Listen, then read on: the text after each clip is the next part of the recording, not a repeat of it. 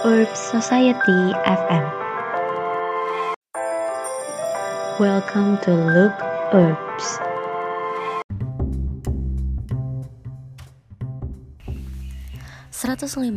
enam Urb Society FM Siaran Praktikum Komunikasi Sekolah Vokasi IPB Selamat pagi people semua, apa kabar nih para people? Semoga dalam keadaan yang sehat-sehat aja nih Sehingga bisa memulai aktivitas di pagi hari ini dengan semangat pastinya Biar makin semangat, aku Caca akan menemani people semua Dengan berita-berita yang informatif dan juga updated Oke, sebagai penyemangat di pagi hari people semua nih Aku bakalan nemenin kalian selama 45 menit ke depan Pastinya dengan berita-berita yang informatif serta updated untuk para people semua. Dan gak lupa juga lagu-lagu hits minggu ini. Dan untuk para people yang mau request, bisa banget nih. Caranya mudah banget. Kalian cuma butuh kuota buat DM Instagram kita di urbsociety.id atau langsung aja telepon ke 021334455. Nah, seperti yang aku udah mention di awal, aku bakal ngasih berita-berita yang informatif dan juga updated nih untuk para people. Daripada people semua penasaran banget dengan berita pertamanya, Langsung aja aku kasih berita pertamanya. Enjoy!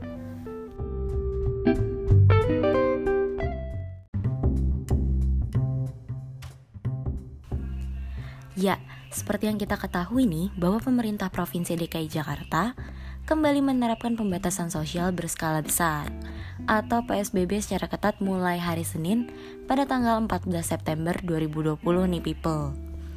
Kebijakan PSBB ini dikeluarkan karena kasus infeksi COVID-19 yang terus melonjak tinggi, khususnya di ibu kota. PSBB di DKI Jakarta diatur oleh tiga peraturan gubernur atau pergub, yaitu Pergub DKI Jakarta nomor 33 tahun 2020, selanjutnya Pergub DKI Jakarta nomor 79 tahun 2020, dan yang terakhir Pergub DKI nomor 88 tahun 2020. Aturan-aturan yang ada membatasi aktivitas sosial dan mobilitas masyarakat, dengan harapan dapat menekan penyebaran kasus virus corona. Selain itu, masyarakat juga diwajibkan menjalankan protokol kesehatan yang dianjurkan nih people. Jika melanggar protokol kesehatan, maka akan dikenakan sanksi. Melansir informasi resmi dari Pemprov DKI Jakarta, peraturan sanksi terhadap pelanggar protokol kesehatan akan ditambah dengan mekanisme sanksi progresif terhadap pelanggaran berulang. Berdasarkan Pergub nomor 79 tahun 2020, penegakan disiplin ini dilakukan bersama dengan TNI, Polri, Satpol PP, dan organisasi perangkat daerah terkait. Bagi para pelanggar protokol untuk memakai masker, dapat dikenakan denda kerja sosial dalam satu jam atau denda uang sebesar 250 ribu. Denda akan terus bertambah jika sang pelanggar terus mengulangi kesalahannya. Selanjutnya adalah sanksi bagi pelaku usaha terkait protokol kesehatan. Jika pada tempat usaha tersebut ditemukan kasus positif, maka tempat usaha tersebut harus ditutup selama kurang lebih seharian penuh atau satu kali 24 jam. Berbeda hal jika sudah melanggar protokol kesehatan. Itu akan dikenakan denda penutupan tempat usaha selama 3 kali 24 jam loh people. Sedangkan jika tempat tersebut sudah melakukan pelanggaran sebanyak 2-4 kali, maka sanksinya adalah membayar denda sebesar 50 juta sampai 150 juta loh people. Dan jika terlambat membayar denda hingga lebih dari 7 hari, maka akan dilakukan pencabutan izin usaha people. Baru-baru ini, pemerintah DKI Jakarta memberikan informasi terbaru mengenai PSBB transisi yang dilaksanakan pada tanggal 12 Oktober 2020. PSBB transisi ini akan berlangsung selama dua pekan, dari tanggal 12 hingga 25 Oktober 2020. Alasan dari dilonggarkannya corona di ibu kota adalah karena melambatnya kasus infeksi corona di ibu kota. Dalam masa PSBB transisi ini, akan ada beberapa peraturan yang ditetapkan. Peraturan yang pertama adalah sekolah belum diperbolehkan bertatap muka. Hal tersebut disampaikan langsung oleh Sekretaris Dinas Pendidikan di DKI Jakarta, Ibu Susi Nurhati. Lalu, peraturan yang kedua yaitu mengenai perkantoran. Untuk perkantoran di sektor esensial bisa beroperasi dengan kapasitas sesuai dengan kebutuhan. Adapun 11 sektor esensial yakni kesehatan, bahan pangan, makanan, minuman, energi, komunikasi teknologi informasi, keuangan, logistik, perhotelan, konstruksi, industri strategis, pelayanan dasar, utilitas publik, dan industri yang ditetapkan sebagai objek vital nasional. Sementara itu, perkantoran di sektor tidak esensial diperbolehkan buka dengan maksimal 50% kapasitas. Peraturan ketiga adalah mengenai tempat makan. Pada PSBB transisi ini sudah diperbolehkan untuk mendatangi tempat makan atau kafe. Tapi dengan beberapa persyaratan yang harus dilakukan ya people. Peraturan keempat adalah tentang pernikahan untuk resepsi atau akad saat ini. Saat ini bisa dilakukan dengan cara yang indoor, namun tetap ada pembatasan tamu yang hadir dalam acara tersebut. Lalu peraturan kelima yaitu tentang pasar atau mall. Jadi tempat-tempat tersebut sudah bisa kembali beroperasi, tetapi dengan beberapa persyaratan seperti pembatasan pengunjung serta pembatasan waktu operasional. Jadi jangan sampai kelewatan pembatasan waktu operasionalnya ya people kalau mau ke mall. Peraturan keenam yaitu tentang bioskop di masa transisi ini. Jadi pada masa transisi ini akhirnya bioskop bisa kembali beroperasi nih people. Meskipun diperbolehkan beroperasi, namun tetap ada persyaratan yang harus ditetapkan di setiap bioskop yang buka.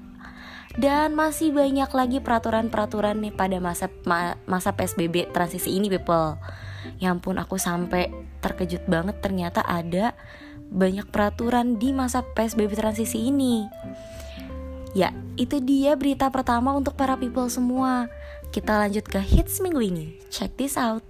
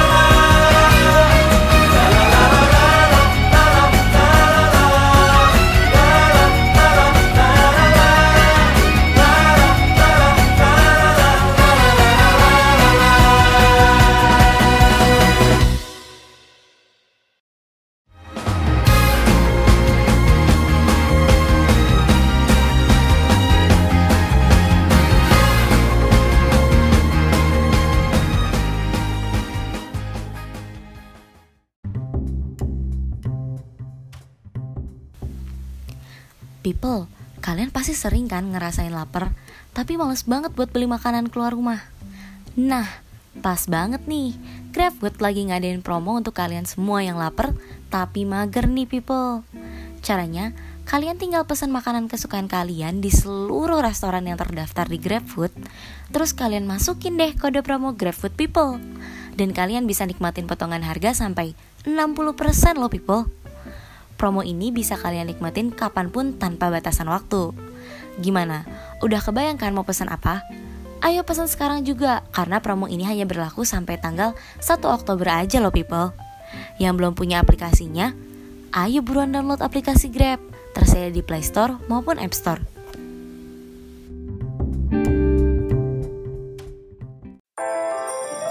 Welcome to Look Herbs.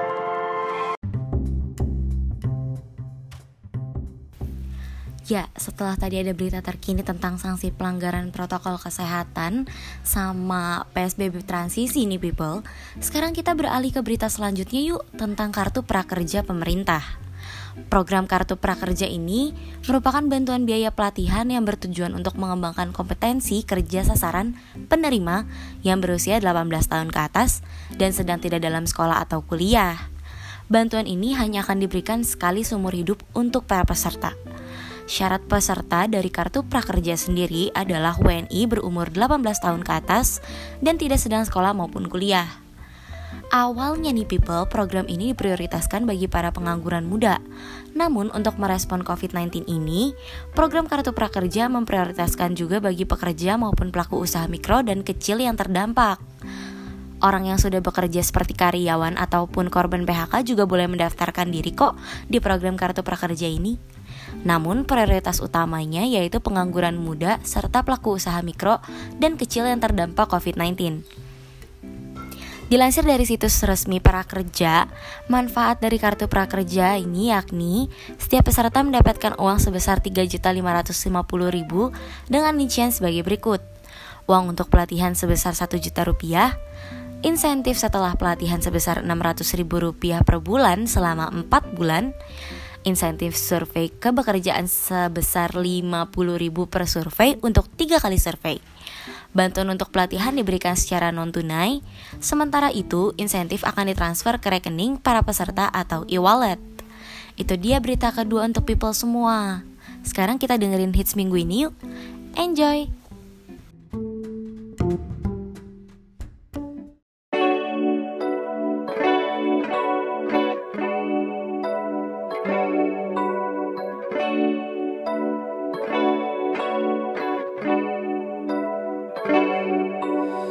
so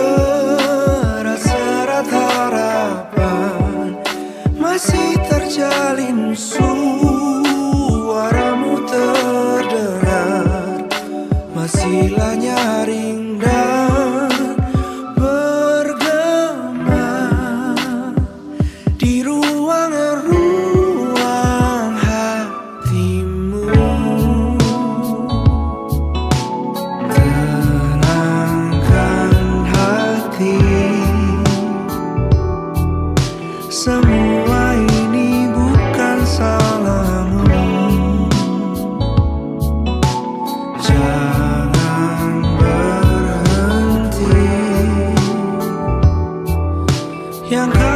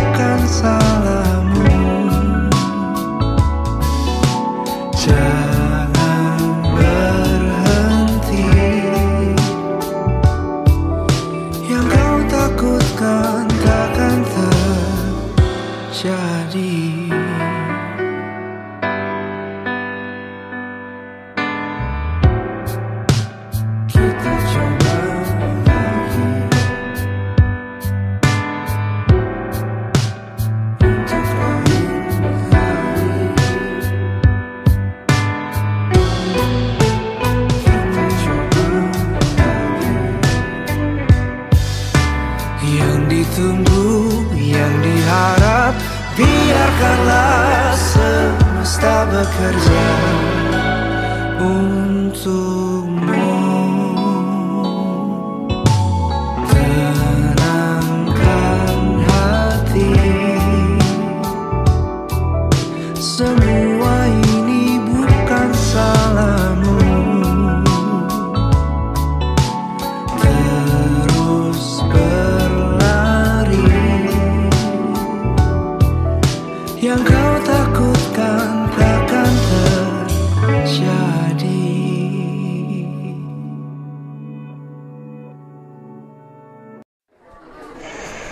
Aduh, pedes banget nih makanannya. Kayaknya butuh minuman yang cocok deh buat jadi pendamping makanan ini. Duh, kira-kira apa ya minumannya?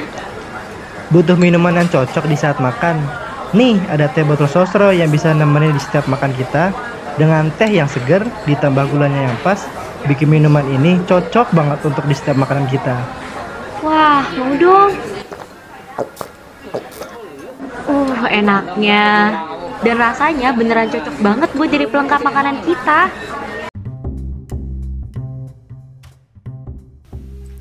Hai hai people semua, balik lagi nih sama aku. Setelah tadi aku udah nemenin para people dengan berita-berita yang informatif serta updated Dan juga hits-hits minggu ini nih, ternyata nggak berasa banget loh. Aku udah nemenin pagi kalian selama 45 menit nih people Eits, tapi tenang dulu people Karena weekend nanti aku akan balik lagi dengan berita-berita informatif dan updated untuk people semua jadi tunggu ya, sabar-sabar dulu ya. Aku akan ngumpulin dulu berita-berita yang baru dan updated untuk kalian semua. Kalau gitu, aku pamit undur diri dulu ya people. Tetap semangat beraktivitas pagi hari ini dan jangan lupa gunakan masker serta patuhi protokol kesehatan yang ada. Nah, kalau gitu, ini dia lagu terakhir dari aku. Check this out and bye people.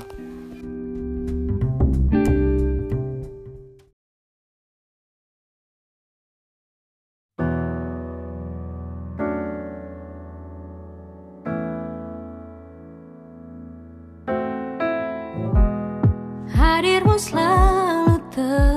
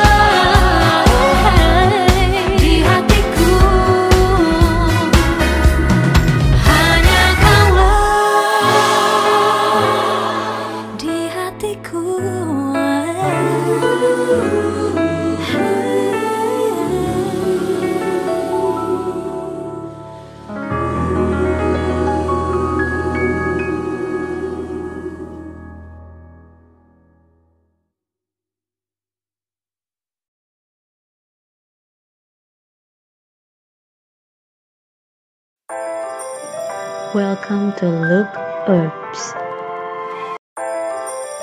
Herbs Society FM.